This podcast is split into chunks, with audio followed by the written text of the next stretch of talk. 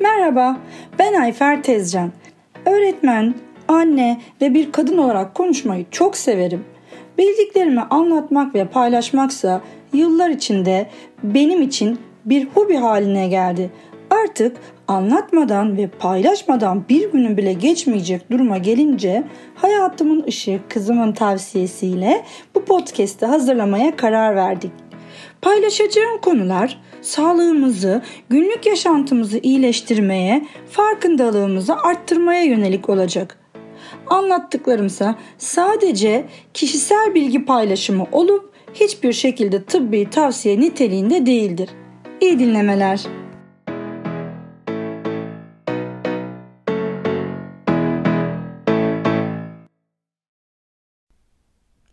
Doğal radyasyon yani radon gazı, namı diğer toprak gazı. Merhaba. Her gün evimizde, sokakta radyasyona maruz kalıyoruz. Çoğumuz için yabancı değil. Radyasyon nedir? Az çok hepimiz biliyoruz. Canlıların günlük yaşamda maruz kaldığı radyasyonun %80'i doğal kaynaktadır. Yani kozmik ya da yer kabuğu kaynaklıdır. Kozmik radyasyon evrenin doğasında var olan radyasyondur. Nükleer radyasyon serpintileri vardır ki onları da gama ışınları olarak isimlendiririz. Bir de yer kabuğu kaynaklı radon gazımız vardır. Kendisi normal koşullarda en zararsız ve uzaklaştırılması en kolay olan radyasyondur. Sokaktan daha çok evlerimizde, iş yerlerimizde, okullarımızda, hastanelerimizde, alışveriş merkezlerinde Kısacası kapalı tüm alanlarda her zaman temas ettiğimiz, soluduğumuz gazdır radon. Güneşin ultraviyole ışınları gibidir. Zararları vardır ama korunma yolu çok kolaydır. Günlük olarak aldığımız radyasyon dozunun yaklaşık %50'sini radon gazı oluşturur. Radon gazı periyodik tabloda soy gazlar ailesindendir. Radon gazına toprak gazı da deriz. Doğada her yerde bulunan renksiz, kokusuz tatsız bir radyoaktif maddedir. Havaya göre 8 kat daha ağır olduğundan toprakta ve zeminde bulunur. Radonun kaynağı binalarımızın temelindeki toprak ve kayalardır. Peki radon nasıl oluşur? Doğal radyoaktif elementler yer kürenin oluşumundan bu yana vardır. Uranyum yer kabuğu içinde bulunan bir radyoaktif elementtir. Hepimiz duymuşuzdur. Uranyum bozulmasıyla ortaya çıkan radyum radyoaktif bir maddedir. Radyumun yarılanma ömrü uzundur ve radon gazının oluşumuna neden olur. Bu olayların hepsi de toprakta gerçekleşir. Kısaca uranyumdan radyum, radyumdan radon gazımız oluşur. Yani açık havadaki radon gazının başlıca kaynağı yer kabuğunda bulunan radyum izotopudur. Radon gazı da alfa ışıması sonucunda ortama enerji yayarak bozulur. Radon gazının yarılanma ömrü 3.8 gündür. Yani bu ne demektir? Ortamda var olan radon gazı yaklaşık 4 gün sonra miktarı yarıya iner. Bu böyle her 3.8 günde bir yarı miktarına inerek devam eder. 1900'lerde keşfedilmesine rağmen radyoaktif kirliliğe neden olduğu ve özellikle de kapalı alanlarda sorun olabileceği 1985 yıllarında anlaşıldı. Topraktan havaya difüzyon yoluyla yani çok bulunduğu yerden az bulunduğu yere doğru geçerek yayılan radon gazının atmosferdeki miktarı 10-20 bekerel bölü metreküptür. Yani günlük 1 metreküplük alanda 10 ya da 20 bekerel radon gazının bulunduğunu ifade eder. Atmosferde solunumla bu miktarın alınmasının bir sakıncası yok. Bekerel de radyasyon ölçüm birimidir. Bekerel saniyede yayılan radyasyon parçacığını ifade eder. Yapılarımızdaki radon gazının kaynağının çoğunluğu yapının bulunduğu temeldeki kayalar ve topraktır. Yapılarımıza zemindeki çatlaklardan, yapı bağlantılarından, duvar çatlaklarından, tesisat girişlerinden, asmakat girişleri gibi toprakla bağlantılı herhangi bir yerden sızıntı yaparak girer. Ülkemizde radon gazı pek bilinmediği gibi bununla ilgili pek fazla çalışma da yapılmamıştır. Ev, okul, iş yeri, hastane, alışveriş merkezleri gibi insanların yoğun yaşadığı tüm kapalı mekanlarda vardır. Zeminden sızarak alt katlardan üst katlara doğru tüm binaya yayılır. Ayrıca yapı malzemeleri olan çimento, taş, granit, doğal kaya plaklarında da uranyum ve toryum vardır. Ortamdaki radon gazının yoğunluğunu belirleyen etmenler nelerdir? Hadi sayalım. Topraktaki ve yapı malzemelerinde bulunan radyum miktarı, yapı malzemelerinin nem oranı, yapı malzemelerinin difüzyon potansiyeli yani madde geçiş kabiliyeti, yapının temelinin büyüklüğü, temelin izolasyon özelliği, bina zeminindeki kayaç ve toprağın gözenekli yapısı, e, toprağın suya doyma seviyesi, toprak ve hava arasındaki basınç farkı, binanın havalandırma yapma kapasitesi, mevsimsel koşullar, iç ve dış ortam sıcaklığı bunu belirler. Radyum metalik bir radyoaktif element olduğundan bozulmasıyla radon gazı açığa çıkar. Radon yoğunluğu mevsimlere ve deniz seviyesine göre farklılık gösterir. Sıcak havalarda toprak kurur, gözenekleri artar ve difüzyon hızlanır. Ortam sıcaklığı difüzyon hızını arttıran bir etmendir.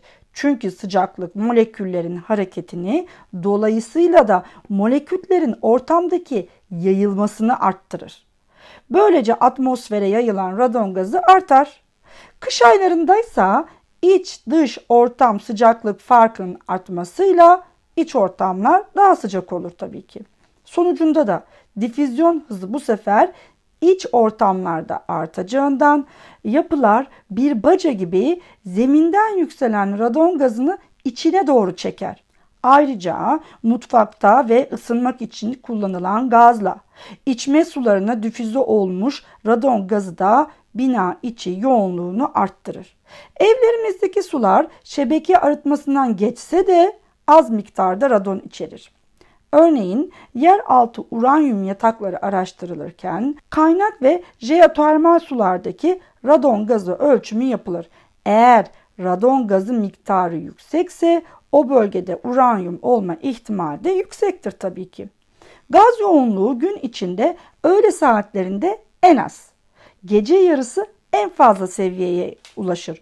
Çünkü evin içindeki basınç her zaman dış ortamdan daha düşük olduğundan gaz zeminden yukarıya doğru bir baca gibi emilerek difüze olur yani ortama yayılır. Gündüzse bir şekilde pencereler, kapılar açıldığından ev havalanır. Evin içiyle dışı arasındaki basınç farkı azalır. Böylece gaz oranı da azalmış olur. Atmosfer basıncının düşük olması durumunda toprak içindeki hava basıncı da düşük olur ve derinden yüzeye yönelen yani difüzyona uğrayan radon miktarı artar. Yüzeydeki gaz yoğunluğu düşük atmosfer basınçlarında da en üst seviyelere çıkar. Yağmurlu, yağışlı havalarda yüzeydeki toprağın nem oranı artar ve toprağın gözenekleri azalır. Alttan yüzeye doğru yönelen radon gazının difüzyonla aşağıdan yukarıya doğru geçişi yani yayılması da zorlaşır. Demek ki yağmurlu havalarda e, ortamdaki radon gazı miktarı daha düşük olmaktadır. Doğal taşlar arasında masif granitler magmatik kökenli olduğundan mermer ve diğer doğal taşlara göre daha yüksek miktarlarda uranyum ve toryum içerir. Yapılan araştırmalarda bu belirlenmiş zaten. Granitlerin difüzyonu kolaylaştıran gözenekli bir yapısı yok. Dolayısıyla daha az radon gazı salınımı yapar. Evlerde mutfak tezgahı ve ıslak zeminlerde kullanılan granitlerin metrekareleri az olduğundan zaten bir sorun oluşturmaz. Ama havalimanları, e, alışveriş merkezleri, hastaneler, iş yerleri gibi devasa hacimli alanlarda binlerce metrekare kullanıldığı için uzun dönemde tehlike yaratabilirler. Radon gazı ölçümleri yapılmaktadır. Ölçüm yapılabilmesi için cihazın zeminden 50 santim yükseğe konulması gerekmektedir. 2-7 gün arası beklenerek ölçüm yapılabilir. Ama ideal olan zaman uzun dönemli ölçümlerdir. Uzun dönemli ölçümler saat, gün, mevsim farklılıkları da göstereceğinden daha sağlıklı bir ölçüm yapılmış olur. Bilim adamları bulunulan bölgelerde radon gazının ani artışının depremlerden önce gerçekleştiğini bulmuş. Depremlerden önce radon gazı artışı olur. Tamam ama her radon gazı artışı mutlaka deprem olacak anlamına gelmez. Depremin önceden belirlenip insanların uyarılması için radon gazı ölçüm cihazları kullanılmaktadır. Bir bakıma deprem erken uyarı sistemi olarak düşünebiliriz biz radon gazı ölçümü değerlerini. Tam ve kesin olmasa bile şu an için bence kullanılmaya değer. Amerika'da konutlarda kabul edilen miktar 74 bekerel bölü metrekare, eski yapılar içinse 400 bekerel bölü metrekare sağlık için kabul edilir sınırlardır. Ülkemizde ise 400 bekerel bölü metrekare kabul edilen sağlık sınırları içindedir. Yine ülkemizde Çanakkale, Sinop, Kars bölgeleri yüksek radon gazı içeren yerlerdir. Çanakkale'de savaş kalıntıları, Sinop'ta toprağa gömülü nükleer artıklar, Kars'ta Ermenistan'daki nükleer santralin yakın olması nedeniyle bu bölgelerde yüksek gaz yoğunluğu açıklanmakta. Günümüzde yavaş da olsa bilinçlenmenin başlamasıyla belediyeler riskli kabul ettiği yerlerde gaz ölçümleri yapmaktadır. Radon asal bir gazdır. Yani element olarak kararlı, dengelidir. Kolay kolay bozulmaz. Kısaca diğer maddelerle etkileşime girmez. Ama yaydığı alfa ışınlarıyla bozulması sırasında hem yüksek bir enerjiyi ortama yayar hem de bozulma sonrasında oluşturduğu ağır metallerle bedeni olumsuz etkiler. Radyoaktif bozulmaya uğrayan radon havada asılı partiküllere yani durağan partiküllere tutunarak solunum yoluyla akciğerlere gider ve oradaki epitel hücrelerine yapışır. Bozulmanın akciğer hücrelerinde de devam etmesi sonucunda bronş epitellerinde radyasyon dozu artar, bozulma ürünleri kararlı hale gelinceye kadar da bozulma devam eder. Bu sürekliliği olan bir olaydır. Solunumla sürekli olarak akciğerlerimizde ara vermeden radon gazı ve bunların parçalanma ürünlerini alırız. Böylece sürekli olarak solunum yoluyla düşük dozda da olsa radyasyona maruz kalırız. Solunum sistemindeki radyasyon dozu solunan havadaki radon gazıyla gazın bozulma ürünlerinin miktarına ve ortamdaki toz parçacıklarının büyüklüğüne bağlıdır. Yapılan araştırmalar uzun dönemlerde bu etkinin akciğer kanserine neden olabileceğini belirtir. Özellikle de bu durum aktif ya da pasif sigara içilmesiyle daha da tetiklenir. Amerika'da Çevre Koruma Ajansı'na göre sigaradan sonra ikinci büyük akciğer kanseri etkeni olarak tanımlanıyor.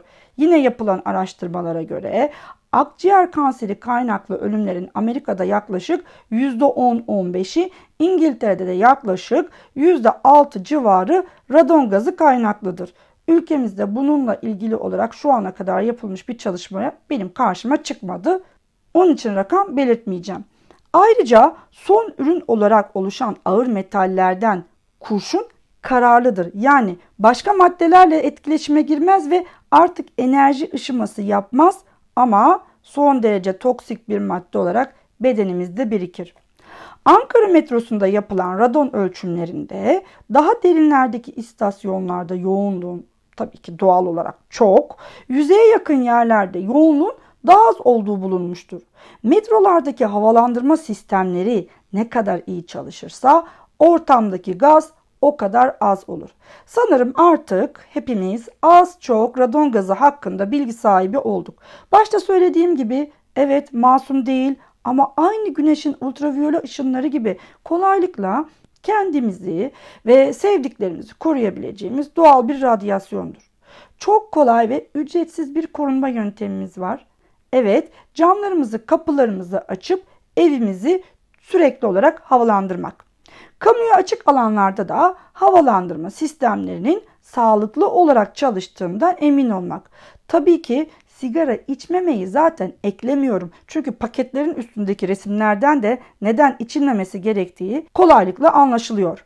Bol bol havalandırılmış ortamlarda az radyasyonlu günler hepimizin olsun. Sağlıkla kalın, sağlık aşkına.